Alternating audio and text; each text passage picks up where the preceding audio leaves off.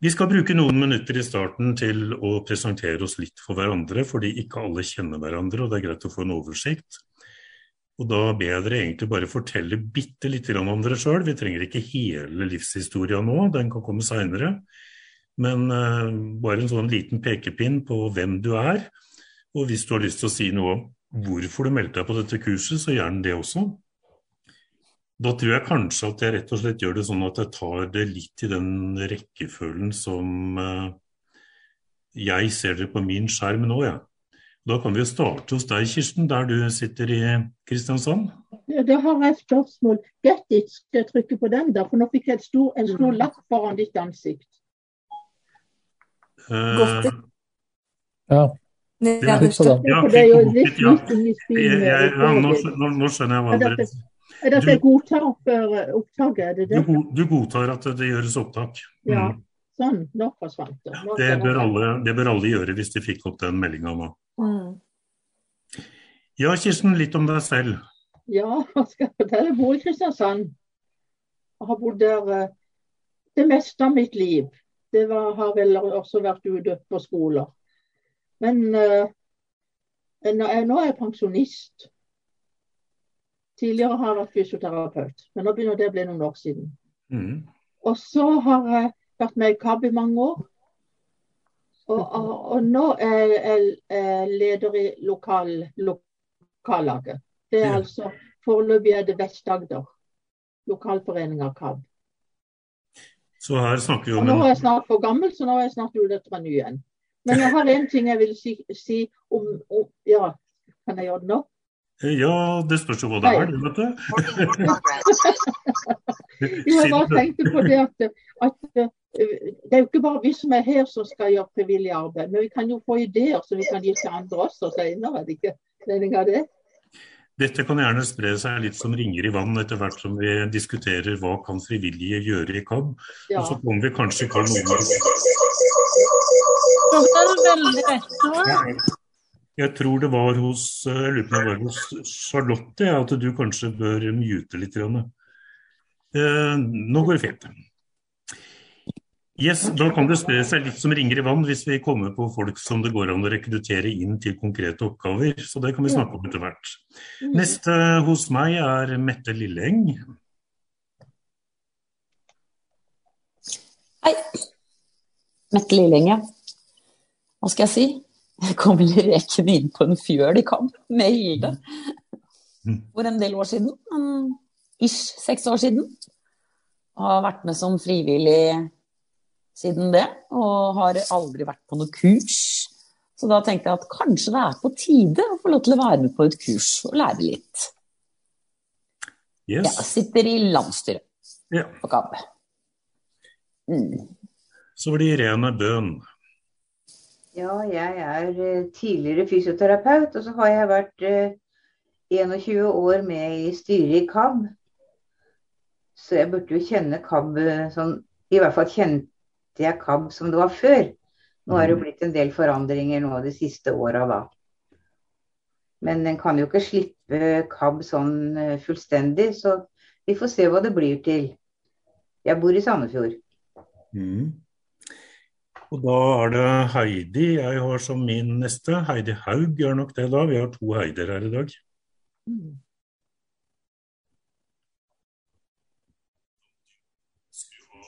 mikrofonen din selv, for det får ikke jeg gjort. Jeg mener, skru på mikrofonen.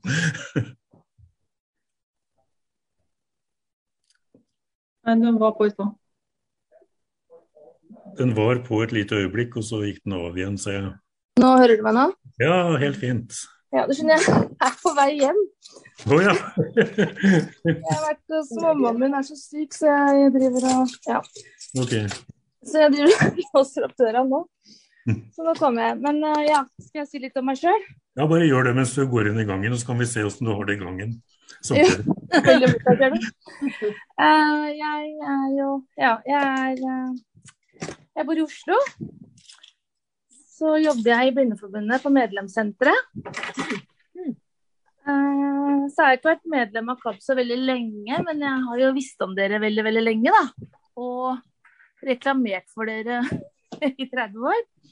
Fordi det er sånn rehabiliteringskontakt. Så jeg er jo på mye hjemmebesøk hos folk som får synsproblemer. Uh, så før så pleide jeg å dele ut sånn brosjyrer og sånn, husker jeg. Det er noen år siden jeg har gjort, men jeg tror det ble slutt på dem. Men uh, ja. Og så har jeg tre barn og tre, snart fire barnebarn. Mm. Takk for det. Da, ja. da, kan du få lov til å slenge av deg jakka og finne deg ja, og sette deg. Ja, vær så god. da myter jeg kanskje, da. Bare gjør det, du. Hvis jeg, nå går vi jo, ja, nå driver jo for, Også dere driver og flytter dere på min skjerm, da. Eh, så jeg tror jeg bare for å holde litt orden her, så må jeg gå til Kari, jeg, som jeg tror er et gjenhør for alle som er til stede her. Kari Underland. Hei, hei, hei, Kari Underland. Jeg sitter på Mysen og jeg, det er ikke så veldig lenge siden jeg var KAB-ansatt, men nå er jeg skoleansatt og jobber eh, på barneskole. Så når jeg så det var sånn eh, frivilligkurs, så fikk jeg jo lyst til å være med, da, for eh, det, var jo snakk om frivilligkurs i min tid også. Så nå må jeg være med og høre hva som skjer. Jeg har veldig lyst til å være med på forskjellige ting utover med KAB. Så det var hyggelig å se alle sammen. Mm. Skikkelig hyggelig at du ble med, Kari. altså. Vi har, eh, noen av oss har savna deg, skjønner du. Og gjør det fortsatt. Så har, vi, eh, har, jeg Hilde på neste rekke her, som dere sikkert også kjenner. De fleste i hvert fall. Ja. Hilde Leven Gromstad sitter i Drøbak. Diakon i KAB. Og må jo selvfølgelig være med på dette møtet for å få greie på hva dere skal lære, og som jeg sikkert også skal være med på, da. Så det blir spennende. Du er garantert ganske involvert i dette her, tenker jeg. Ja. Det står Per Werner sin iPad. Uh, Sissel driver og skjuler seg bak sin manns navn. ja, jeg gjør det stadig vekk. jo, Sissel Bredvei her. Jeg bor i Sandefjord kommune, men uh, bare i kommunen, ikke i byen. Jeg bor på landet i nærheten av Melsomvik. Dette store år her, da. Jeg har jobba i skolen i hele mitt liv, og har vært veldig glad i å jobbe der. Jeg sitter i landsstyret i denne perioden, og så får vi se hva veien videre er. Og har meldt meg på dette kurset for å se om det er en oppgave videre. Det kan jo Ja, vi får se hva vi syns om det når vi har holdt på litt. Ja, det spørs. Om, om, vi finner noe, om vi finner noe du kan gjøre. Det tror jeg. Eh, da hopper jeg videre til Siv. Ja, hei sann. Siv her. Eh, bort på Hadeland. Gift og to barn. Eh, ja, har vært med i KAB eh, lite grann, og noen kurs. Så det var meg. Takk skal du ha. Marianne? Ja, hei. Marianne Skyld Reinsnes. Bor i Segne. Lå sammenslått med Kristiansand, da. Og er med i landsstyret.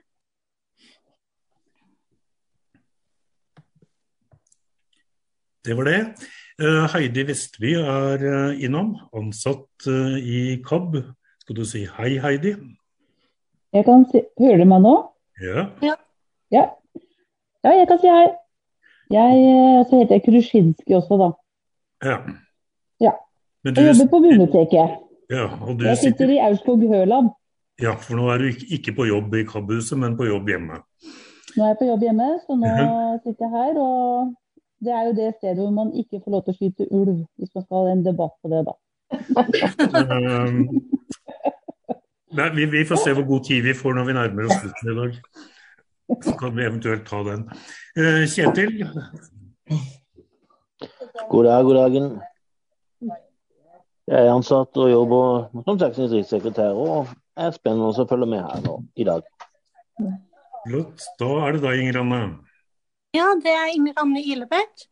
Jeg hører også til Vestad lokallagforening. Jeg har tror jeg, vært med i KAB i et par og tyve år. Jeg har også vært med en periode i landsstyret, ni år var jeg med der. Og så har jeg vært med og ringt en del til medlemmer. Drevet en del medlemspleie. Og jeg har syntes det har vært veldig spennende. Og også vært litt med ut i menighet og informert litt om KAB. Så jeg syns når dette cruiset kom, så syns jeg det er veldig spennende med dette å kunne kanskje drive enda mer med litemannsarbeid. og Det er noe jeg brenner en del for, og håper at det kan være til glede for andre. og har sett fram til dette cruiset. Så vidt jeg vet, Inger Anne, hvis ryktene stemmer, så er det ikke så veldig lenge siden du medvirka med å orientere om KAB i en gudstjeneste? Nei, det stemmer. Jeg gjorde det litt før jul, så jeg har gjort det flere ganger i menigheten der jeg er med. Og det tenkte jeg at det er kanskje noe som kan spre seg videre etter kanskje etterpåse også. Ja, ikke sant. Da går jeg videre til Ingrid Merete. Ja. Hei. Bare et lite, et, lite, et lite, øyeblikk, nå fikk vi inn litt mye støy her. Uh, hei, ja, det var Heidi som uh, måtte mute. Nå, nei, Ingrid Merete. ja. Jeg har vært litt sånn til og fra KAB siden jeg var liten. Mm. Uh, men så fant jeg plutselig ut at her, nei, dette har jeg lyst til å bli medlem av og se hva jeg kan bidra med. Jeg driver og lager en um, podkast som heter Sov godt. Derfor Inger Merete Sov godt-podkast som uh, Zoom-navn, hvis noen lurte på det. Mm. Har egentlig en annen dialekt til vanlig. sa, vi, sa, sa, sa, du hvor du bodde? Uh, jeg er bosatt i Bergen, men har en far som er østlending. Så når jeg hører litt for mye østlendinger, så blir jeg også østlandsforsker. Så det blir litt en blandingsdialekt. Ja. ja. Da skal vi nordover til Finn Tore Eivik. Ja, jeg um, holder til på Helgelandskysten i Nordland, et sted som heter Nesna. Og jeg har vel sånn som Ingrid Merete sier, vært uh, mer eller mindre sånn fra og til knytta KAB fra jeg var relativt ung, liten. Eh, de siste årene litt mer. Eh, og jeg syns det var interessant å kunne være med her både for min egen del og få, få litt input, og, og, og, samtidig veldig interessant å høre eh, de innspillene som sikkert etter hvert kommer fra de forskjellige på hva man kan gjøre og utfordringer for det, det frivillige arbeidet framfor. Så ja. Det var stemmene fra den nordnorske juryen. Frank? Ja, ja Irene? Jeg, vil, jeg syns det er veldig fint. Det er, det er, flere jeg ikke kjenner her. Så det er veldig fint å si etternavnene òg. Ja. Det er ikke alltid jeg greier å huske etternavnet i farta, men dette var Finn Tore Eivik. Ja. ja. Men hun Merete eh, Hva heter hun? Ingrid Merete Berg. Ja. ja. Henne kjenner jeg ikke. Nei. Men hun heter altså Berget til etternavn. Og da går jeg videre til Anna. Og jeg tror kanskje du er Anna Kunzendorf, ikke sant Anna? Det stemmer. Eh, ja, jeg heter Anna. Jeg bor i Trondheim. Eh, og eh, jeg er vel kanskje en av de yngre medlemmene her, eller hva man skal si. Jeg er i hvert fall 19 år. Um, og jeg har vel liksom vært KAB-medlem en god stund, men ikke vært så aktiv. Men uh, nå er jeg blitt litt mer aktiv, i hvert fall. Jeg håper å få til at man kan få til litt mer ungdomsarbeid, så at man f.eks. skal ha den påskevandringa Eller påskeleiren. Det er mm. veldig gøy, syns jeg.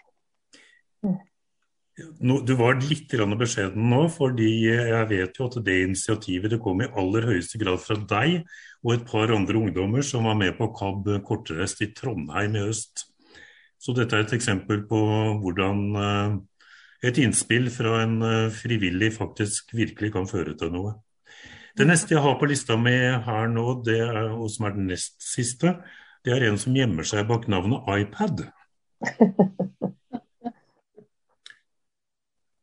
Da har jeg litt problemer med å sjekke ut hva du heter. Jeg tror jeg ber om at du uh, skrur på mikrofonen din. Ja. Uh... Ja, der har vi deg. Hei. Hei. Ja, jeg heter altså ikke iPad. Verken til for- eller etternavn. Hva heter du? Eh, jeg heter Charlotte Wesenberg. Og jeg, satt, jeg, visste ikke at det sto iPad, for jeg, har, jeg hadde mer enn nok med å komme meg på. Så jeg, jeg skal ta og fikse opp i det. Eh, ja, jeg bor også i Kristiansand. Da bare gjør jeg det sånn at akkurat nå så skriver jeg Charlotte. Sånn at jeg husker det hvis du ber om ordet seinere. Okay. Men skal du ha det som fast signatur, så må du ordne det sjøl. For dette, da gjelder det bare Nå heter du Charlotte bare i dette møtet. Ja, OK. Ja, Nei, men da, da er det greit å slippe å ordne med det. Ja, ja det, går helt, det, går helt, fint. Jeg hopper ja, videre Ja, unnskyld. Var det noe mer du hadde tenkt å si? Ja. ja, jeg skulle bare si at jeg har vel, jeg har vel vært med i KAB i 18 år. Og vært mye med på sommerleirer og sånn. Ja. Med, eller familieleirer med barn. Ja. Og da har vi Kjersti Lium. Ja, hei. Nå var jeg heldig som ble presentert sist, for jeg rakk egentlig ikke inn. For det var så tungt å gå tur i dag, så jeg ja. kom inn her fem over sju. Jeg var veldig... Kjersti, jeg var veldig i tvil om jeg skulle slippe deg inn, for jeg så det var for, for sein, skjønner du. Så du burde egentlig, egentlig stå sånn på er det. Jeg tør nesten ikke å si at jeg, at jeg, er leder i landsstyret, men jeg kjenner mange av dere, og det er veldig hyggelig å høre unge og gamle og nye og ja, alle dere som har presentert dere. Jeg syns det er flott at det er så mange som stiller opp på dette kurset.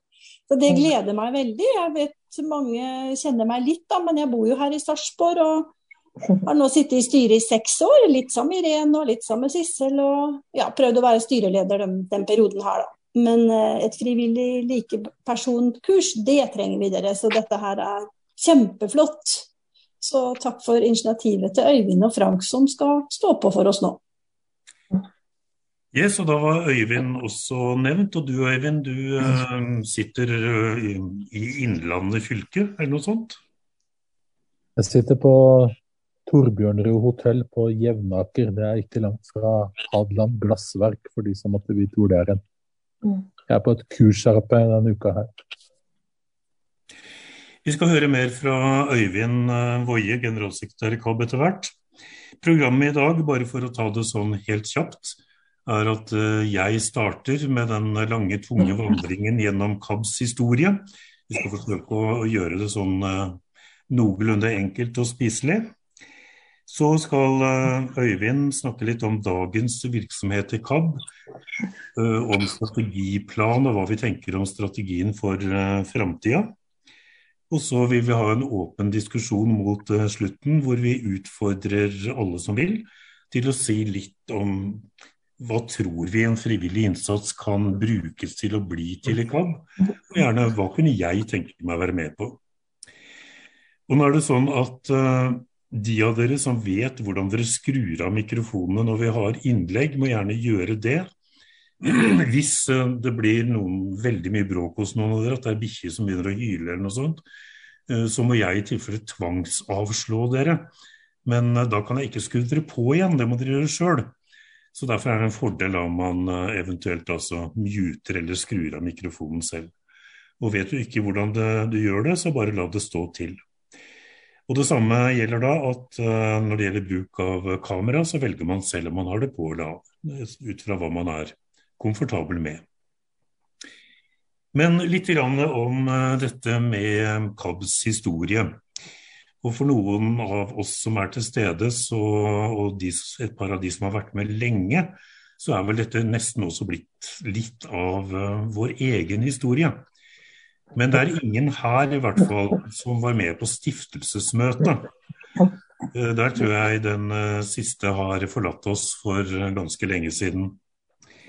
KAB ble stifta i 1933. Og på den tida så hadde Blindeforbundet eksistert en stund. Det var to blindeskoler i Norge.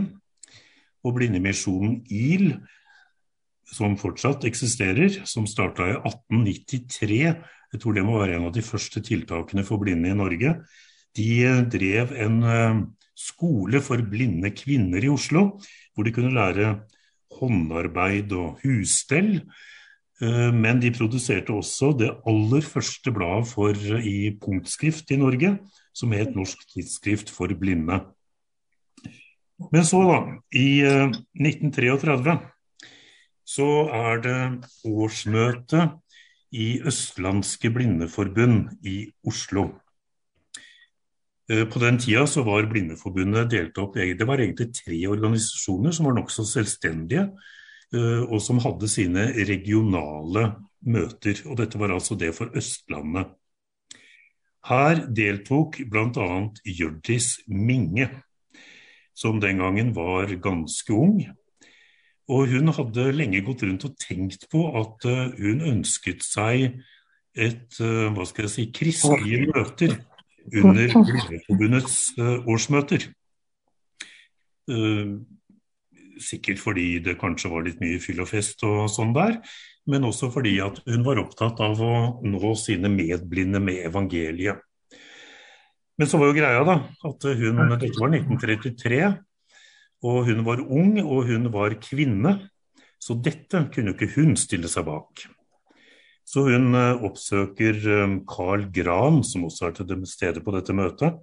Jeg lurer på om han ikke sånn i utgangspunktet var eh, predikant, til og med. Så han tok opp saken under punktet 'Ordet fritt'. Og så ble det arrangert et enkelt stiftelsesmøte hvor ja, Hvor mange var det? Jeg tror det var en uh, 24 personer som tegna seg som medlemmer på det møtet. Og da hadde man startet Norges Blindeforbunds, unnskyld, Østlandske Blindeforbunds kristelige vennekrets. Dette var altså starten. Uh, til å begynne med så var det egentlig ikke rare virksomheten. Eh, det utvikla seg slik at eh, det ble stifta sånn tilsvarende grupperinger rundt i landet, også i de, også i de to andre regionene av eh, Blindeforbundet. Eh, det første fellestiltaket var et eh, blad i punktskrift som het Solgløtt. Det var ganske enkle greier. Det var fire sider i punkt. Så det tilsvarer vel omtrent som én til en og en halv av fire sider i vanlig, vanlig skrift, vanlig maskinskrift. Mm og inneholdt uh, gjerne litt sånn uh, klippstoff fra et oppbyggelig blad, og kanskje et vitnesbyrd fra et av medlemmene. Så det var liksom det det startet med. Og slik var det lenge. Veldig lenge, egentlig. Vi skal gjøre noen sånne kjappe sprang i historie her for bare å ta med oss highlightene. Men uh, en ting som er verdt å nevne, da, det er at Blindeforbundet så egentlig med velvilje på disse kristelige foreningene. Eh, det de derimot likte litt mindre, det var Frelsesarmeens arbeid blant blinde, som egentlig hadde starta før kristelige, disse kristelige vennekretsene. Frelsesarmeen hadde en stund hatt et arbeid blant døve, som de så også utvikla til å gjelde blinde. Og det falt Blindeforbundet ganske tungt for uh, brystet. Uh, både fordi Blindeforbundet frykta at Frelsesarmeens innsamlingsarbeid til dette arbeidet skulle stjele inntekter fra Blindeforbundet, og fordi de ikke likte rett og slett at dette var et arbeid som var ikke av blinde, men for blinde. Altså helt styrt uten medvirkning av blinde og svaksynte selv. Selvråderetten handler det om. Og Det kan være et viktig punkt å få med seg videre. Og uh, i forhold til også KABs utvikling. For når Blindeforbundet da såpass så positivt på det som senere ble KABs arbeid, så var det altså fordi det var et arbeid blant og ikke for. Så skal vi hoppe ganske mange år uh, fram i tida. For nå, etter hvert, så kommer jo da magnetofonbåndene inn i bildet. Altså lydbåndet. Og det uh, skjer vel egentlig for alvor på begynnelsen av 1950-tallet. Eh, da blir det lydbåndene, som noen av dere fortsatt husker, ikke sant? Dette, denne store, åpne spolebåndet, såpass billig at eh, det kan bli mer eller mindre allemannseie. Og man begynner f.eks. å produsere lydbøker på sånne spolebånd. Og det disse kristelige vennelagene, som det da byttet navn til, begynner å gjøre, det er at de lager en kristelig lydboksirkel, lydbåndsirkel. Altså det var ikke lydbøker, det starta Blindeforbundet med ganske tidlig, men det var opptak av oppbyggelige møter.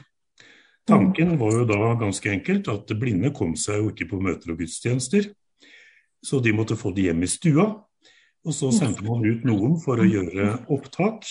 Og så ble det sendt i, nærmest rundt i posten som en slags sånn lesesirkel, hvor det ble sendt fra den personen som hadde gjort opptaket til neste person, som igjen skulle sende i posten til neste person på lista. Og sånn fortsatte det til lydbåndet var blitt borte og gjemt i skuffen hos en eller annen. Eller kanskje, eller kanskje kommet uh, tilbake til den første. Men altså en nokså tungvint måte å gjøre det på. Og slik eh, rulla og gikk det egentlig med solgløtt og kristelige møter på lydbånd fram til rundt 1970. Og da skjer det egentlig en stor endring. Det skjer flere ting, men en av de tingene som skjer, det er at det kommer inn en ung ildsjel i dette arbeidet. Og det er vel kanskje de ene navnene som i tillegg til Hjørdis Minge og Carl Gram bør nevnes her, det er Terje Nærland. Han var jærbu, han er det fortsatt for så vidt. Han eh, ble mista synet i 18-årsalderen og begynte på Huseby, hvor han da kom i kontakt med vennelaget og begynte å engasjere seg i kristelige møter for sine medelever på Huseby. Og han overtar denne lydbåndsirkelen og administrerer den fra hybelen sin. Og så etter hvert så blir han eh, ansatt i en utdanningsstilling i Blindeforbundet. Altså en, en litt sånn der kortvarig engasjement, men uh, finansiert av Blindeforbundet, vel å merke. Og da starter det for alvor. Fordi um, Terje, som noen av de som er til stede her også husker, og som var mitt første møte med KAB, han hadde en egen evne til å få folk på kroken og overtale dem om at dette arbeidet var verdens viktigste, og at her måtte vi engasjere oss, fortrinnsvis uten å få et rødt øre i betaling for det. For det neste som nå skjer da, nå har jo lydbåndene, de store lydbåndene eksistert ganske lenge, nå kommer kassetten. Og da blir jo alt mye enklere. Jeg tror det er noen her som husker kassettene. Det kunne være trøblete nok det når det dro seg inn i kassettspilleren, men det var i hvert fall litt enklere å holde styr på. Og det var litt enklere å kopiere, fordi man kunne kopiere i veldig høy hastighet, bl.a. på egne maskiner. Da kommer, da kommer muligheten for alvor for å starte med lydaviser. Og Det første som da starter, er Vennelagets lydavis, som er en kristen lydavis som inneholder oppbyggelig stoff, gjerne ganske lange andakter, og klippstoff fra kristne blader og aviser, og som for øvrig har en feiende flott kjenningsmelodi. Eh, jeg hadde egentlig tenkt at vi skulle finne fram den og spille den her i dag, vi får gjøre den neste gang. For den uh, syns folk var uh, veldig bra. Og det ingen visste, var at den heter Let's Dance. Altså danse. Jeg tror den lydavisa hadde nok mista en del abonnenter om de hadde visst det. Men Terje Nærland selv ikke visste det engang. På denne tida så forsvinner også navnet Vennelag, Norges Blindeforbunds kristelige vennelag, og man bytter navn først til Kristelig arbeid blant blinde, og så etter hvert til Kristent arbeid blant blinde, og så kommer tilføyelsen og skaksynte som da er det navnet som vi fortsatt har i dag. Og som han den gangen signaliserte veldig sterkt at dette var ikke et arbeid for, altså i likhet med Frelsesarmeens arbeid, men det var et arbeid av blinde. I dag eh, oppfattes muligens det navnet litt annerledes, så det kan jo sikkert komme en diskusjon om navnet bør endres på nytt.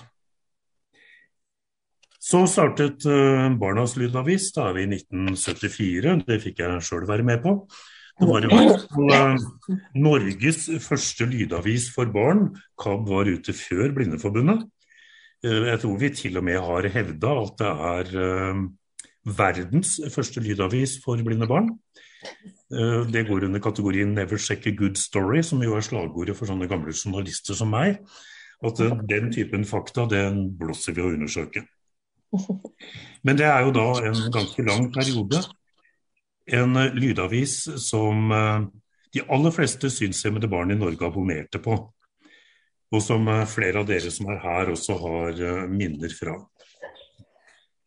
Og så er vi på slutten av 70-tallet. Vi har litt støy hos deg, Heidi Haug. Er det det? Jeg tror jeg var myte.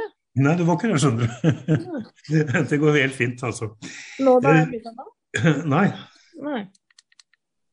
Det var bare litt sånn ekko av meg, tror jeg. altså. Du, ikke strev med det hvis, det, hvis du har prøvd med å finne den knappen nå. Vi, vi tåler det helt bra. Vi skal fram til slutten av 1970-tallet. Da skjer den kanskje mest dramatiske hendelsen i KABs historie så langt nemlig bruddet med Norges Blindeforbund. Det som har skjedd nå, det er at KAB har vokst og vokst. KAB har også starta sitt eget innsamlingsarbeid med egne private givere. Eh, søker om kirkeofringer og får ganske mye av det. Det har blitt flere ansatte som ansettes av KABs landsstyre og ikke av Blindeforbundet, og som lønnes av disse innsamla midlene. Så KAB er på en måte blitt en sånn liten gjøkunge i Blindeforbundet. Som liksom driver og ja, tar mer og mer plass i, i reiret. Og så bokstavelig talt, etter hvert så flytter man inn i sammen med Blindeforbundets lydbibliotek i Bygde allé 21 i Oslo, fasjonabel adresse, men vokste veldig fort ut av de lokalene som man da fikk låne også. Og så bestemmer landsstyret og Terje Nærland seg for at vi flytter ut av byen. Og valget falt da på Askim, hvor man leide lokaler mye billigere enn i Oslo, og veldig mye større. Og det gjorde man altså, dette får jeg bare si som det er, uten å spørre Blindeforbundet. Som man altså egentlig var en underavdeling av. Plutselig en dag så var KAB liksom bare borte fra Bygdøy allé, og hadde flytta til Askim med ansatte og alt pikkpakke. Dette begynner å føre til en konflikt. Arne Husevegg, som er generalsekretær i Blindeforbundet på den tida, han jobber med en omstrukturering i Blindeforbundet, noe vi kaller en sentralisering, hvor alt skal samles i én organisasjon istedenfor disse tre-fire som man ellers hadde. Og så har man altså da som en sånn der ulydig liten greie på sida eh, KAB. Og i KAB så begynner man å snakke om at det beste kanskje er å frigjøre seg fra Blindeforbundet også fordi denne prosessen som skjer i Blindeforbundet, fører til en del splittelse blant medlemmene, spesielt på Vestlandet, hvor det etter hvert oppstår to blindeforbund. Så blir det invitert til en landskonferanse på Blindeforbundets ferie- og rekreasjonssted, eller ferie- og kurssted Kvikne i Årås. Og nå er vi eh, framme i 1977. Og da blir det rabalder. Der møter ledelsen i Blindeforbundet med generalsekretæren i spissen. Og der møter delegater fra alle fylkene eh, som, har, eh, hvor, eh, som da er valgt av KABs medlemmer. Og så skal de diskutere KABs forhold til Blindeforbundet. Og for å gjøre en lang historie kort, så blir det først et vedtak om at KAB skal bli i Blindeforbundet. Og så blir det en middagspause. Etter den middagspausen så kommer da denne Terje Nærland fram, etter å ha rådført seg med de ansatte, og sier at hvis dette blir konklusjonen, da må både han og alle de ansatte si opp sine jobber i KAB, for da er arbeidsforholdene helt umulige. På den tiden har Blindeforbundet en eh, prest ansatt, Ragnvald Overvold, som jobbet med innsamling i Blindeforbundet i hele sitt liv. Han eh, opptrer da som diplomaten her, og går på en måte litt imellom uh, KAB, også KABs ledelse og Blindeforbundets generalsekretær, og får til et slags utsettelsesforslag. Det som da skjer, det er at det blir bestemt at det skal være en ny landskonferanse et år etter, hvor man skal ta endelig stilling til dette. Og I mellomtiden så jobber Ragnvald Overvold veldig diplomatisk og snakker med alle. Og året etter så foreligger det et eh, vedtak, eller et forslag som så blir vedtatt, om at et kristent religiøst arbeid ikke hører hjemme i Norges Blindeforbund, som skal være en livssynsnøytral organisasjon.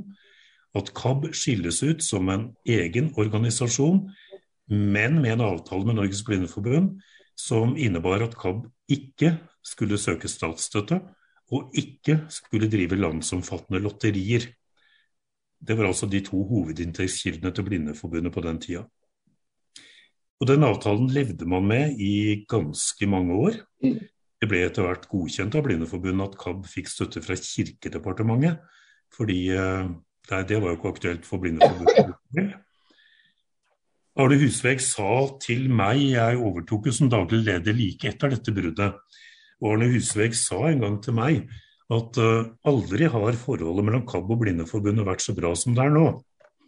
Så vi levde egentlig veldig bra sammen side om side med samarbeid når det gjaldt innlesning av lydbøker og, og Blindeforbundets sosialkontakter informerte om KABs arbeid og i det hele tatt.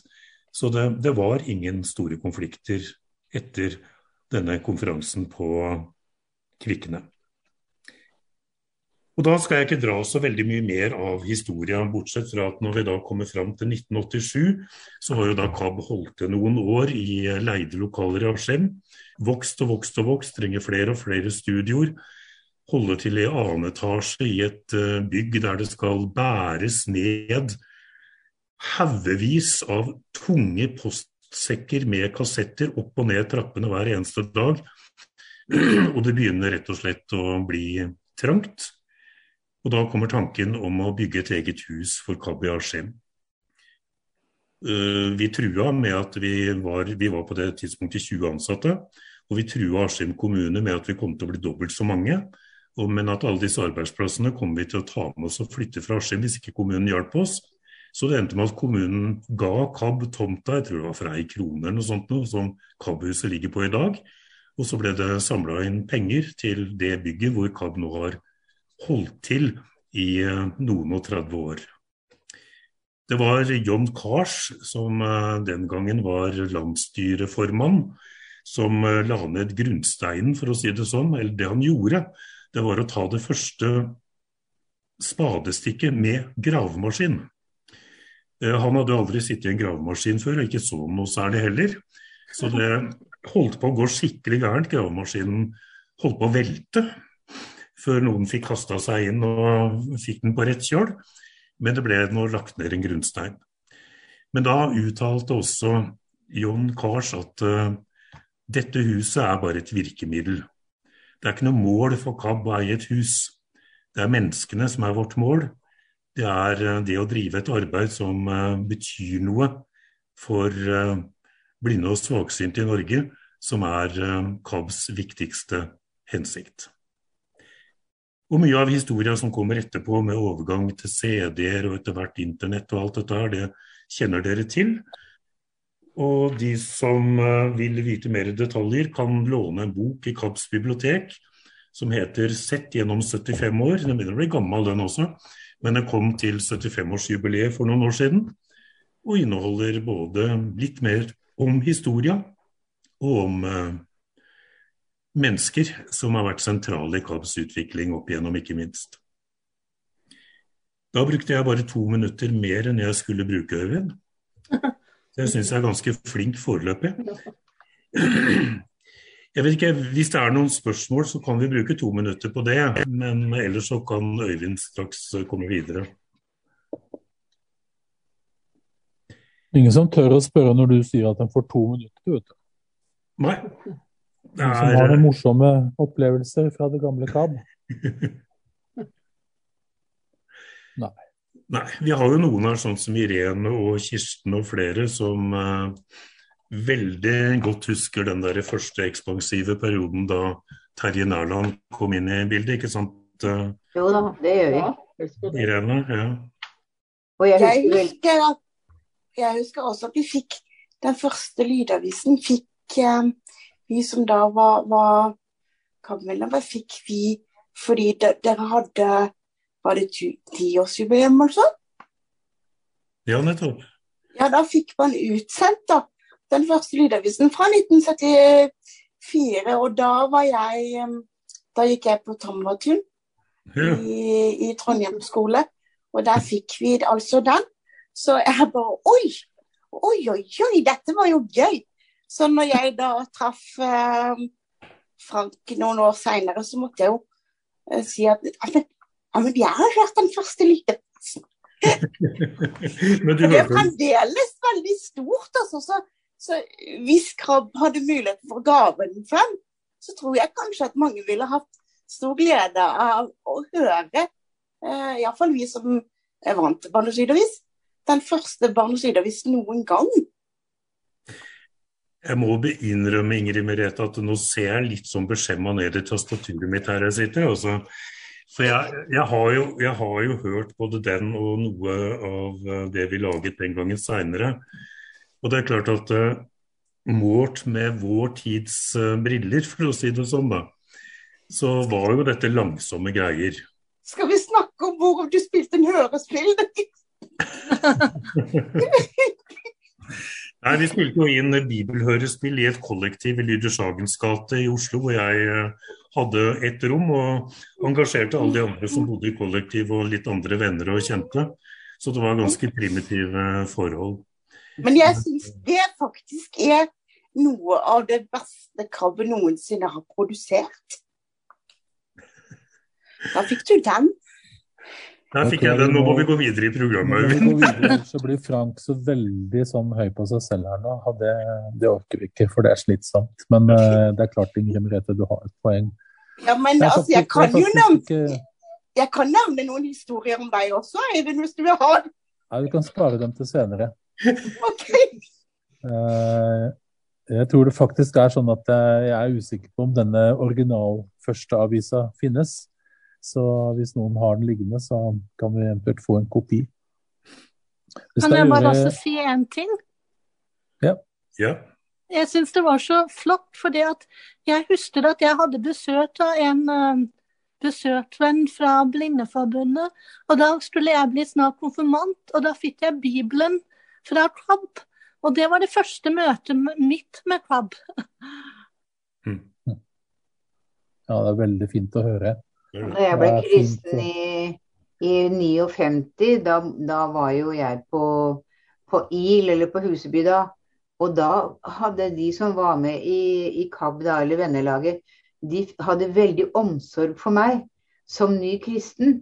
Og det syns jeg var veldig fint eh, med vennelaget. Og da jeg kom tilbake igjen i 64, så hadde vi mye møter på Huseby med, med Faye, han læreren. Og sånn, så, så KAB har, for meg har KAB betydd veldig mye. Også for å bevare meg som kristen, ung kristen. Ja, Det er veldig fint å høre disse historiene. For eh, vi opplever jo at eh, det er sånn at KAB har betydd veldig mye for eh, veldig mange mennesker i ulike faser av livet. Noen mm. har vært med hele tiden og fram til i dag, og andre har vært litt eh, fram og tilbake, litt avhengig av hvor man er i livet. Og det er jo Ønsket til KAB er jo at eh, det vi bidrar med, skal bety noe for folk.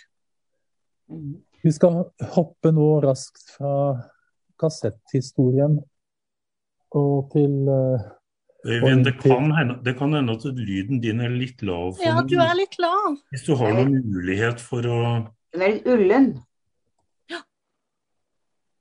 Ja da, jeg skal bare få inn litt mat her, for at de andre sitter og spiser mat. Og jeg får ikke lov å få mat, så jeg må få mat på rommet. Er det bedre nå, eller er det like ille? Ja. Ja, Er det bedre nå, eller er det like ille når jeg snakker på den måten her? Eller hvordan er det? Det var litt bedre. OK. Uh, da er det bare litt bedre. Da skal jeg ta så hoppe ut, og så skal jeg hoppe inn via PC-en min. For jeg har valgt en litt annen løsning, så det tar et halvt sekund, så er jeg tilbake.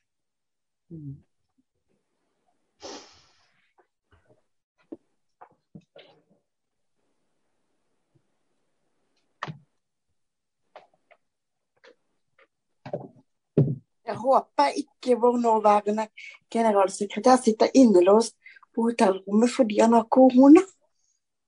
Nei. Nei, det er nok mer det at han sitter innelåst eh, på et hotellrom. Han er ikke helt innelåst heller, for det var noen som kom inn med mat. Ja, det var derfor jeg lurte på om han var litt syk. Det er, det, er nok, det, er, det er, fordi han er med på møte med oss. Dette, oh, ah, ja, ja, Hei på deg, Bråkebøtter. Bråkebøtter. Ja, Nei, her, her prøver jeg å vise omsorg for deg, og så bråkebøtter. Ja, dere skravler munnen på hverandre hele tida nå, så nå er jeg tilbake. Så nå må dere lytte til meg. Ok, folkens. Da løper vi videre. Nå har jeg nettopp fått inn en deilig middag her, så da spørs det om jeg begynner å sikle litt etter hvert.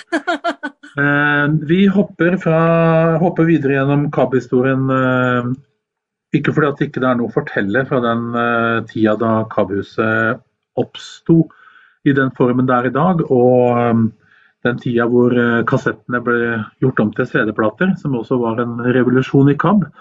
Eh, CD-plater det er sånne små, runde som dere kanskje har vært borti en gang, og noen bruker det fremdeles. Eh, vi hopper fram til den situasjonen som vi er i i dag. og Det er det som er utgangspunktet for mye av det som dere eventuelt skal bidra med i KAB. Og Det er storveies stas at dere er med på dette frivilligkurset. Eh, vi syns det er eh, kjempeflott, og dette er en slags sånn kickstart. Litt sånn eh, tidlig start på kurs, og det kommer nok til å bli kurs som også holdes i nærheten av der folk bor. Men nå er vi fremdeles i, det, i den digitale verdenen. Når KAB snakker i dag, så snakker vi med utgangspunkt i de samme tallene som Norges Blindeforbund bruker. Eh, og Norges Blindeforbund opererer med at det finnes så mye som 320 000 personer som lever med ulike synsnedsettelser i Norge i dag. Eh, det tallet høres eh, høyt ut, men det er et tall som er, ligger både forskning og statistikk bak. Og dette er utgangspunktet for de menneskene som KAB ønsker å henvende seg til også. KAB er også en organisasjon som jobber for mennesker som har lese- og skrivevansker. Det ble gjort en endring på det i KABs eh, formålsparagraf for noen år siden. Så Det betyr at eh, folk som har dysleksi f.eks. kan bruke KABs tjenester og tilbud.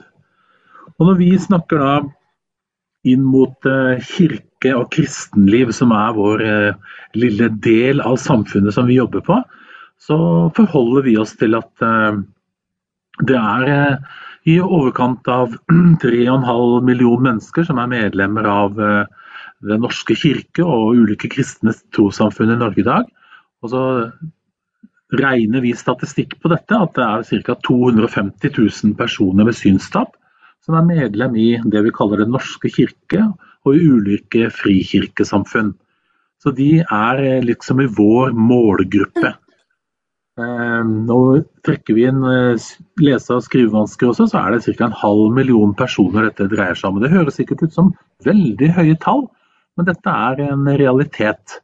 Og vi tenker at KAB skal være primært til for alle mennesker som eh, er medlem av et trossamfunn. Så kan vi alltids diskutere og være enige eller mene noe om hvordan folk um, utøver sin tro. Men uh, er man medlem av et trossamfunn i Norge i dag, så regner vi dem som medlemmer av det. Og at de vil ha noe med et kristent trossamfunn å gjøre. Så det er liksom den gruppa som vi jobber mot. Eh, det er ikke så mange medlemmer av KAB, absolutt ikke. Altså, ikke så mange brukere av KAB eller Lydbiblioteket.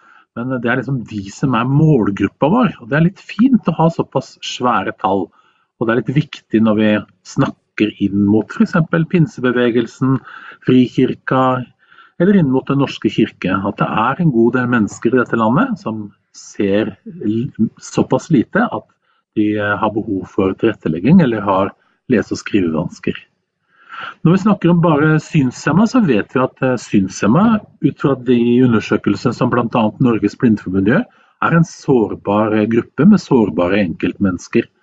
Vi vet at det er mer ensomhet blant synshemma. Den er tre ganger så høy som i befolkningen ellers.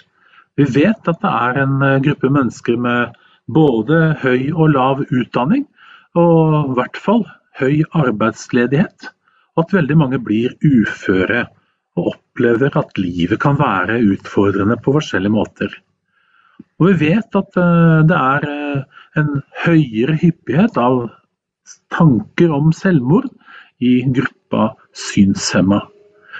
Og vi vet også at det er eh, flere seksuelle overgrep mot synshemma kvinner enn i samfunnet ellers. Og så har vi mye kunnskap og erfaring på at ikke alle opplever at det å møte helbredelse f.eks. Eh, er noe som er godt, men at mange har vært utsatt for uheldig helbredelsespraksis. Så er det andre forhold også som preger gruppen med synshemmede. Og det er viktig å vite noe om de som en jobber for, eh, og det er viktig å ha kunnskap, rett og slett. De som får tilbud fra KAB i dag, det er altså synshemmede, blinde og svaksynte som vi definerer synshemma som ofte, så er det personer med lesevansker. F.eks. dysleksi, som er ganske utbredt i Norge. Eh, de personene har kommet inn i KAB litt sånn seinere tid, fordi de har hatt stor glede av å f.eks. bruke lydbøkene, rett og slett. Eh, så er det personer med det vi kaller kognitive utfordringer, dvs. Si f.eks. en skade etter en operasjon, kanskje en hodeoperasjon eller et hjerneslag. Altså ting som gjør at det er vanskelig å lese eller å forstå. Kan også ha glede av bl.a. KABs lydbibliotek. Er også personer med utviklingshemming som bruker KAB i dag. Og personer som har ulike kombinasjoner av flere funksjonsnedsettelser og det er eh, også personer som har andre fysiske funksjonsnedsettelser som gjør at man ikke klarer å lese bok eller et blad eller må ha ting tilrettelagt. Når vi snakker om det å være funksjonshemma, så er det også folk som er midlertidig funksjonshemma f.eks., som også kan bruke KABs tilbud. Vi har ikke så mange tilbud, eller vi har, vi har dårlig med tilbud inn mot gruppa som vi kaller for dobbelt sansetap. Altså det som kalles også for gammelt av døvblindhet er kanskje en gruppe som KAB eh, egentlig burde gjort noe mer for. Eh, I og med at det finnes trolig noen mennesker som har en relasjon til et kirkesamfunn, eller ønsker å, ønsker å utøve en kristen tro, eller vite mer om tro, som er en del av den gruppa. Eh, da er det jo konflikt i forhold til det med lyd, f.eks. I og med at uh, i en døvblindhet så kan lyd være problematisk. Men jeg har jobbet med døvblinde tidligere og vet også at døvblinde kan ha glede av lyd og storskrift i en kombinasjon eventuelt, men at det handler ofte om punktskrift. Så det er viktig å bare ha med seg at man vet noe om at gruppen eh, som bruker KABs tilbud, består av mange ulike enkeltpersoner i ulike aldre, og også mange forskjellige funksjonsnedsettelser. Da vi jobba i Signo, som er en organisasjon som jobber med døve, så sa vi alltid at hvis det er noe med øra, så kontakt Signo. Og Det blir litt sånn tommelfingerregel i KAB. Hvis det er noe med øya eller noe med å ikke kunne klare å lese, så er det sånne signaler om at da er det bra å ta kontakt med KAB. Så jobber jo KAB da, som jeg har sagt flere ganger nå, i den kirkelige delen, den kristne delen primært. Er liksom der vi er mest til stede. Da jobber vi så klart med en del av de samme tingene som for så vidt Norges Blindeforbund gjør når det gjelder psykisk helse og oppfølging, når det gjelder også praktisk eh, veiledning og oppfølging og det å være til stede i folks liv på en bra måte. Det som er eh, viktig for dere å ha med dere, er å vite litt om hva som er KABs formål. Og KAB har jo en formålsparagraf som en har snekra på i mange år, og som eh, lyder på en måte i dag, og nå skal jeg lese den for dere. Kristent arbeid blant blinde og svaksynte er en frivillig organisasjon som arbeider for å fremme aktiv deltakelse gjennom likepersonsarbeid, likestilling og bedrede livsvilkår for syns- og lesehemmede. Her peker vi på hvem vi jobber for, og i sånn litt sånne grove trekk hva vi skal jobbe med. Og Det er veldig tydelig den formålsparagrafen til KAB. For når eh, det gis da retning på hva man skal jobbe med, så er det delt opp i tre punkter. Og første punkt er at dette som jeg nevnte nå, skal vi gjøre ved å A. Skape møtepunkter som gir økt selvtillit, bidrar til gjensidig vekst og utvikling og setter den enkelte bedre i stand til å delta aktivt i samfunns- og menighetsliv. Så planen til KAB og målet med KAB er å bidra til at folk som har et sansetap knytta til syn primært, eller en leseutfordring, skal kunne få, hvis de ønsker det selv, en støtte og bistand til å finne bedre ut hvordan de kan leve i sitt eget lokale samfunn der de bor. Og spesielt da hvordan de kan ha kontakt med den kirka som de tilhører, hvis de ønsker det. Så er punkt B vi skal gjøre informasjon og litteratur tilgjengelig for målgruppa. Og det har vi jo dette lydbiblioteket til bl.a., som inneholder veldig mye som jeg kommer tilbake til. Men vi skal altså gjøre noe med at det finnes informasjon og litteratur som ikke er tilgjengelig, slik at eh, folk som bruker KAB skal kunne delta på lik linje, motta informasjon, være med på lik linje med scene, for å bruke den terminologien. Så er det tredje punktet. KAB skal da påvirke samfunnet, og særlig kristne menigheter og organisasjoner, til å gjøre sine tilbud universelt utforma og legge til rette for at syns- og lesehemmede blir aktive deltakere.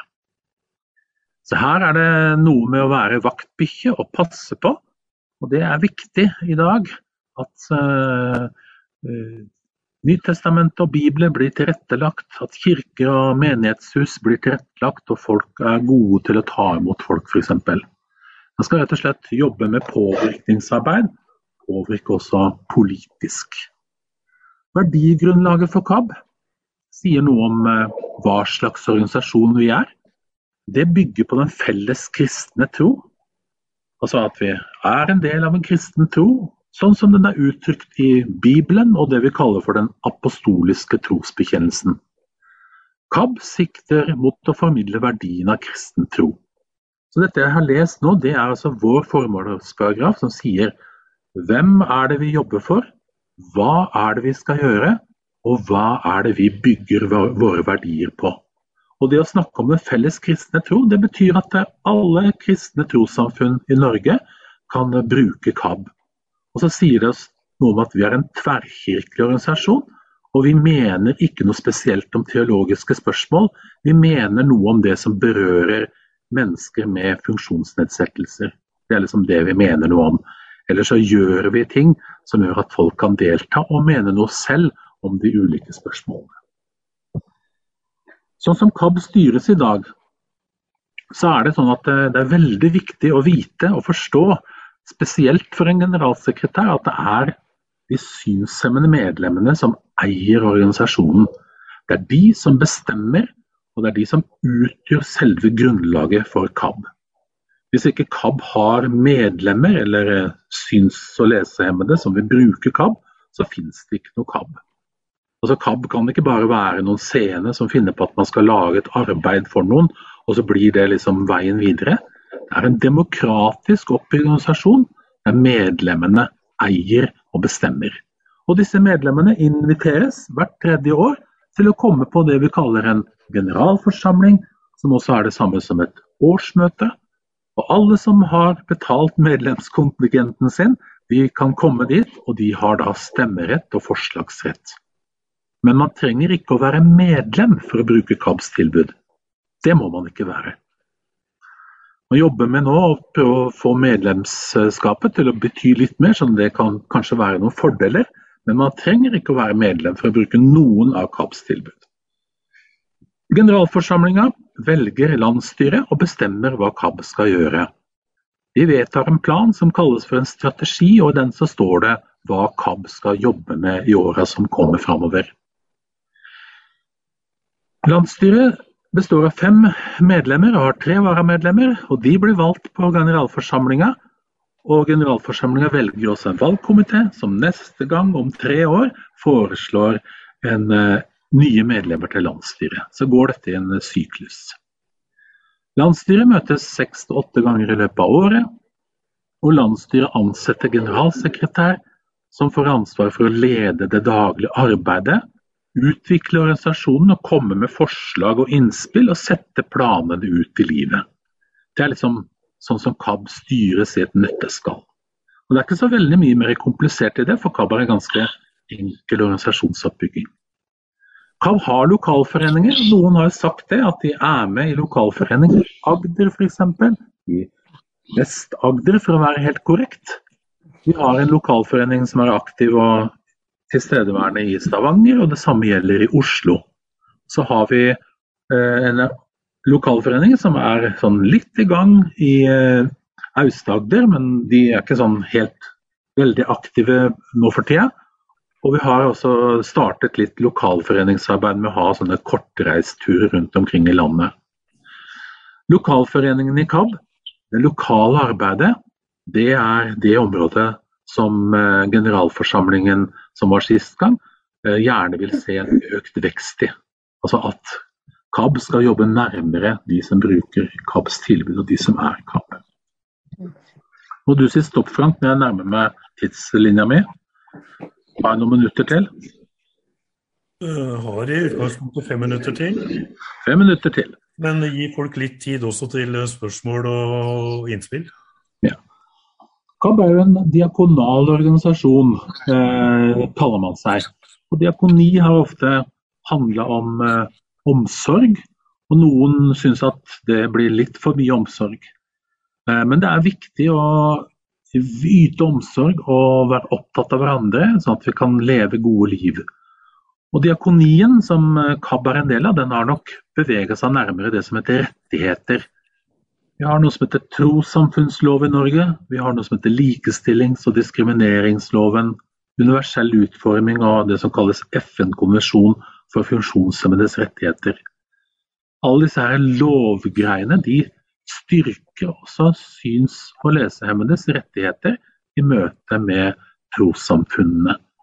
Det betyr at det er lov å kreve litt i forhold til den kirka man er en del av.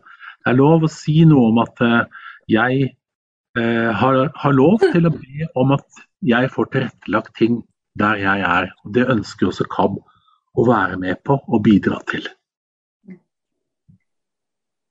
KAB sånn som vi har det i dag, består jo av eh, i hovedtrekk et eh, tilbud om disse møteplassene og samtaletilbudene som eh, vi har digitale f.eks. Eh, det kan være kurs, og så har vi dette med kurs og leirer og arrangementer, som kan være en sånn sommersamling, eller en ungdomsleir, eller en barneleir, eller andre typer kurs. Og så driver vi med rådgivning i forhold til tilrettelegging. Du kan ta kontakt med KAB hvis du har behov for å få råd og innspill i forbindelse med det å delta lokalt f.eks. Du kan ta kontakt med KAB og si at jeg vil ha en salmebok i punkt f.eks.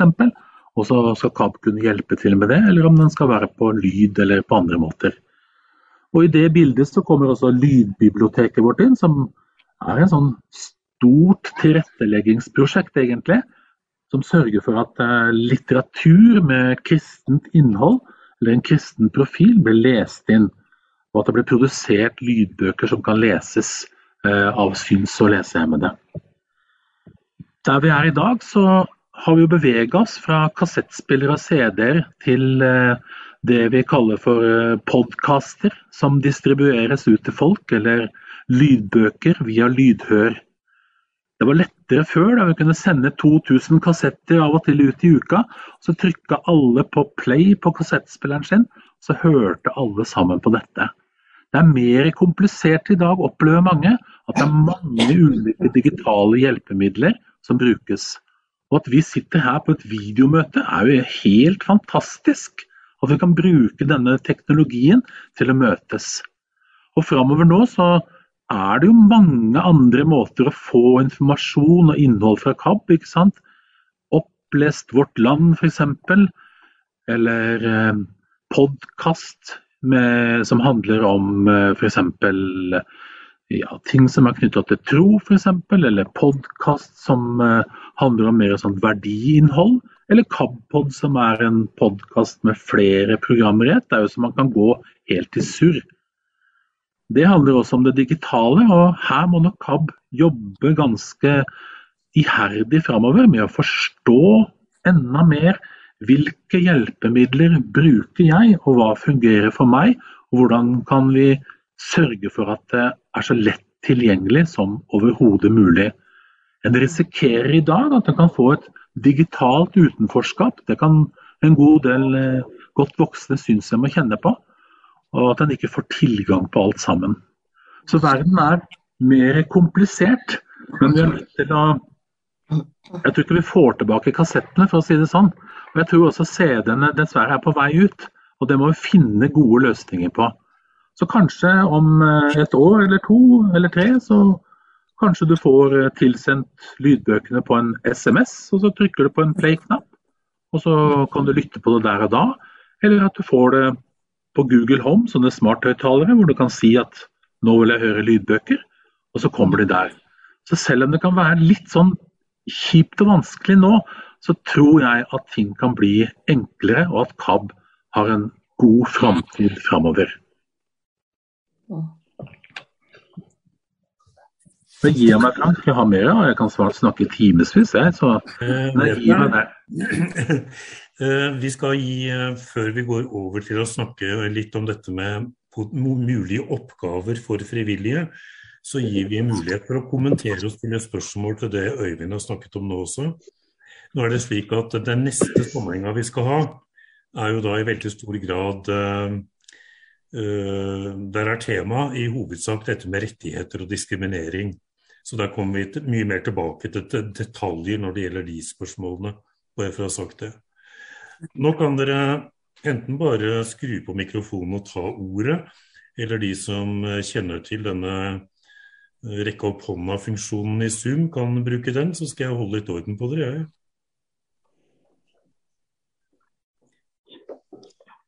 Det ble litt eh, stille her nå. Heidi? Heidi, vær så god. Jeg må bare si at jeg, jeg må gå ut av møtet nå, for jeg skal på et nytt møte kvart over åtte.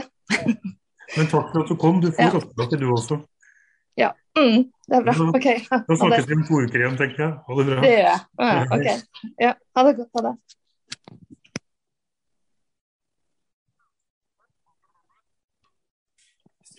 Kommentarer da på det Øyvind sier, så? Da går vi videre til vi skal, vi skal avslutte senest halv ni. Jeg lover dere det, på en måte, slik at uh, man sitter og slipper å sitte og være nervøs for kveldsmaten sin eller eventuelle andre avtaler. Men litt om dette, vi skal snakke litt om dette med frivillighet, og her ønsker jeg egentlig bare å få ideer på bordet. Eh, det er jo to begreper som svirrer litt rundt her og som vi litt med vilje har uh, blanda litt. Og Det ene er det å være frivillig, og det andre er det å være likeperson. Uh, I den praktiske hverdagen vår så vil det skli over i hverandre. Når vi liksom skal rapportere til offentlige myndigheter og bruke de korrekte begrepene, så er det en viss uh, forskjell.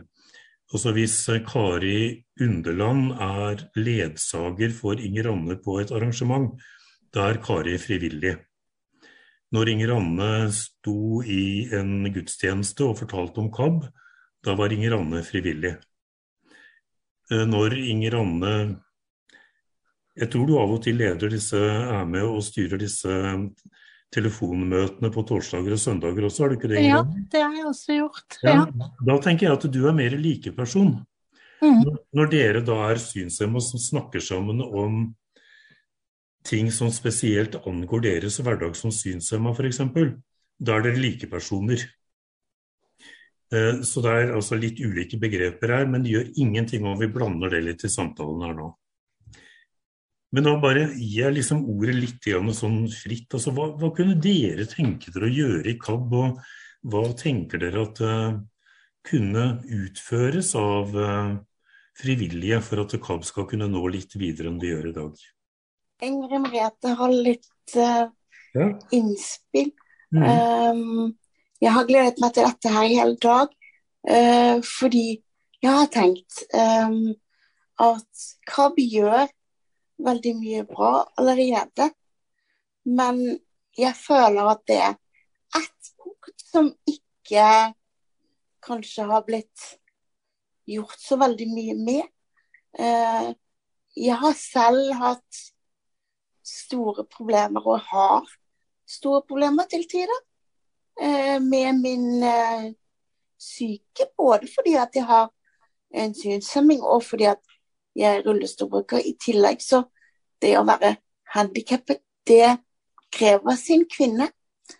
Og av og til så tenker jeg at det å kunne hatt et sted eh, kanskje å ringe til, eller en fast person å snakke med, eh, det er veldig viktig. Og i dag så blir jo det psykiske mer og mer viktig. er og selv om man sier at eh, det skal økes bevilgninger både her og der, så vet jeg at, at jeg har mistet det jeg hadde. Sant? Og nå har diakonen i Karbilde vært så elskverdig og blitt min samtalepartner og skal fortsette med det en stund. Men det jeg tenker er at, at det å kunne være en samtalepartner for en annen som kanskje er i en lignende situasjon som deg selv. Eh, det å ha et sted å, å enten kunne ringe og ha en fasttelefonvenn som ringte til deg eh, f.eks. en gang i uka, eller å ha et fast nummer.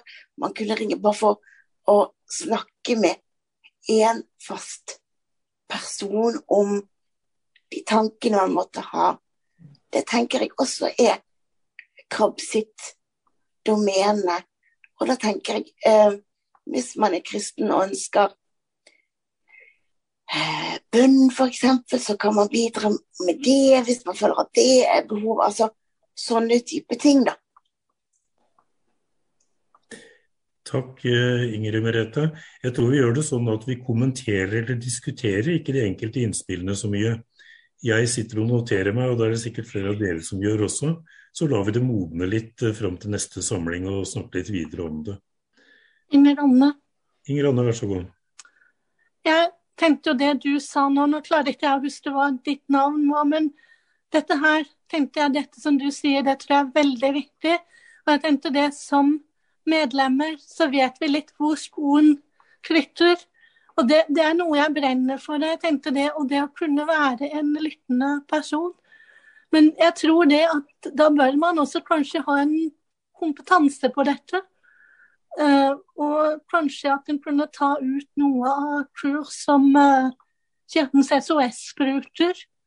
Jeg tror også at kanskje Eller at diakonen i KAB kunne være veileder eventuelt. For det kan jo være samtaler der som kan bli litt tøffe kanskje også, men det at vi kan bære hverandre, tror jeg er veldig viktig, det du sa. Og det å kunne være noe for hverandre, det, det tror jeg er veldig viktig. Og det syns jeg er så fint med Club, at vi er en familie som vi kan bety noe for hverandre. Og når vi samles, at vi er som en storfamilie. Det syns jeg har vært så utrolig flott. Mm, takk skal du ha, Inger Anne. Da er det åpent for andre.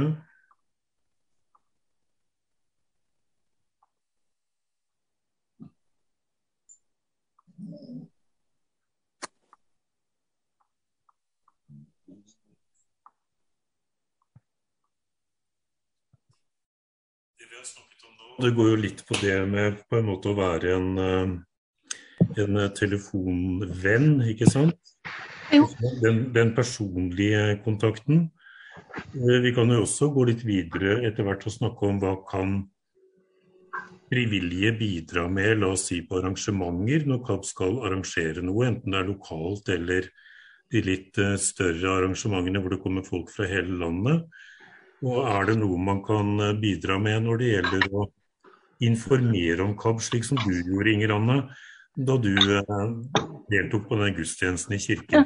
Du har gjort det flere ganger. Ja, kan jeg si noe til, da? Ja, gjør det. Gjør det. Eh, jeg tenkte jo det at kanskje også det er jo en del menigheter som har pensjonistforeninger. Og det kanskje kunne kommet inn der og satt litt på en kobb og kanskje holdt en liten andakt. Da ville vi bli synlige som medlemmer også, og være en slags ambassadør for KAB, kanskje. Og kanskje at KAB kunne være med noe også fra sentralt. Jeg vet ikke om det er for mm. stort å tenke sånn. Det er helt fantastisk de innspillene dere kommer med. Det er veldig veldig fint. Så bare føl dere fri til å komme med mer. Dere er helt på sporet. Dere, vi bestemmer jo selv hva vi gjør for noe, og det er, det er veldig fint. Er det noen som har noe erfaring med noe sånn frivillig, frivillig informasjonsarbeid her, som, eller noe av sånt noe, som ikke sitter i styret eller som er en del av det? Er det noen som har noe erfaring med det? Irene? Ja, kom igjen. Ja, jeg har også vært med på eller, Informert i, i, menigheten og sånn, da. Og, hatt, eh, og vært på et sånt eh, menighetsmøte en gang hvor jeg informerte om KAB og hva KAB har betydd for meg. Så det, det, har jo jeg gjort litt, da. Ikke mye, men eh, noen ganger. Og så syns jeg det er veldig moro å være med på de disse her eh, Nå er det jo blitt på onsdager igjen, eh, den der eh, hvor du, de gjennomgår tekstene og sånt noe for søndagen. Det syns mm. jeg er litt fint å være med på sånne ting.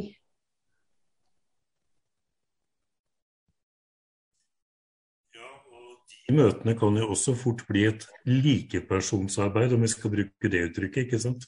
I mm. den grad man da faktisk sitter og utveksler, utveksler erfaringer og er til støtte for hverandre. Ja. Kirsten? Kirsten, vær så god. Ja, at, uh, jeg har gjort det én gang. Ikke mer. Jo, det var at, uh, et, sånn et formiddagstreff for foreldre. Ja, alle hadde jo lov til å komme, da, men det var jo spesielt eldre som kom. Og Da husker jeg, da begynte jeg med å si at KAB er ikke det, det, er ikke et alternativ til, til Blindeforbundet, men det er tillegg. Er ikke det riktig å si det sånn? Jo, det er ikke det at vi kristne vi skal ha vårt eget blindeforbund. Det er liksom ikke Jeg tror det er et ganske viktig poeng, Kirsten, uten at jeg kommenterer for mye nå. Men eh, det er klart at vi, når vi snakker om oss selv som interesseorganisasjon, så er det jo innafor det spesielle feltet vi jobber mot ja. menigheter, kristelige organisasjoner osv. Eh, så vi, så vi, er jo ikke et blinde, altså vi skal ikke erstatte Blindeforbundet. Og det er jo heller ikke tanken at vi skal erstatte det å være med i en menighet, vi skal være med og gjøre det mulig. Men, men, du som har vært. Men du Kirsten, som har vært aktiv i lokalarbeidet i mange år, eh, hvilken frivillig innsats er det hva er, det hva er det dere har behov for å kunne bruke frivillige til i, i arbeidet deres lokalt? Kanskje dumt spørsmål. Alt er jo frivillig. Vi har jo noe som er servering, det har vi jo. Mm. Og så kan det jo være hvis vi skulle flytte oss eller noe kjø kjøring. Ja, for da snakker vi, du om at Vi har jo ikke vært noe, uh, noe flinke til å Vi har ikke hatt et opplegg på at vi skal hente og bringe folk. Mm. Det har vi vel ingen andre. Men, men, men, hvis vi skal sammen med Aust-Agder ha lengre avstander. Og i vår lokalforening i Kristiansand så kommer de jo ikke fra, helt fra Farsund og Mandal. Og da vil man ha behov for f.eks. å få inn seende frivillige med førerkort, ikke sant? Mm. Jo. Ja. Og han er jo, når vi har hatt styremøte, det er jo Lars Asbjørn som har vært kjøreren. Sjåføren. Hva tenker han? Ja, nettopp. KAP har jo behov for å ha folk som mm, viser hva man har behov for som synshemmet, eller som lesehemmet. Og Det betyr jo at uh, vi f.eks. sånn som nå, så snakker vi med Den norske kirke om et datasystem som den bruker. Og Da trenger KAB helt klart å ha kontakt med folk som bruker data, eller som helt tilfeldig skulle komme borti det, for å f.eks. teste ut eller si noe om hvordan ting fungerer. Vi skal i gang med et større prosjekt knytta til å tilrettelegge salmebok i stor skrift og punktskrift, og kanskje på lyd. Da trenger vi å ha synsstemmer som vi også kan spørre om å være med og fortelle det, om det er behov for det f.eks. Hva tenker dere om sånne ting som det? Det kan jo være greit uh, å bli spurt uh, og brukes som en slags kunnskapsbank, da, mm. tenker jeg. Uh, liksom sånn at hvis man har behov for å sjekke om skriften er stor nok, eller datakunnskaper, så kan man kontakte folk som har sagt hvis jeg er villig til å bruke sin kunnskap. Da. Men en annen ting altså, eh, jeg følger litt på, da. Jeg er jo rullestolbruker eh, også. Og det er jo derfor jeg brenner litt for denne telefonvenn-greia. For jeg er ikke så veldig eh, mobil. Sant? Altså jo da, jeg kommer meg ut. Jeg har personlig assistent, og jeg har ikke noe problem å komme ut, men, men hadde man hatt en telefonvenntjeneste f.eks., så, så kunne jeg kanskje ha betjent den hjemme fra min egen stue. Sant? At det kunne være noe for et annet menneske i min egen stue. Og slippe å tenke på at å, nå må jeg ut av huset. Vi må passe på at værforholdet er bra, så jeg kommer meg ut. Jeg må passe på at jeg er frisk nok fordi jeg har litt eh, handikap som går opp og ned. Eh, sånn at man ikke liksom føler at man må kunne flytte på seg i den nåværende digitale verden. At man også kan gjøre ting for KAB fra der man er, og ikke nødvendigvis måtte flytte på seg bestandig. Um, jeg har jo også en annen tanke. Uh, nå skal ikke jeg ta over hele møtet her. Jeg føler jeg har kuppet litt av greia. Mm. Men jeg skal bare si litt sånn forsiktig om min andre tanke. Jeg driver jo sjøl en barnepodkast for barn som har problemer med å sove. Og jeg vil gjerne ha tilbake igjen Jeg kan ikke få tilbake igjen Barnas lydavis som den var, dessverre, syns jeg. Men, men jeg vil gjerne se at det kommer noe for barn eh, som er gjerne med, med både kristent innhold og ikke-kristent innhold. For jeg er litt opptatt av at selv om vi er en kristen organisasjon, så ikke steng ute de som hadde syntes det var ålreit å høre på, selv om de ikke er kristne, da. At, at det skal være rom for alle. Og hva med da å starte en f.eks.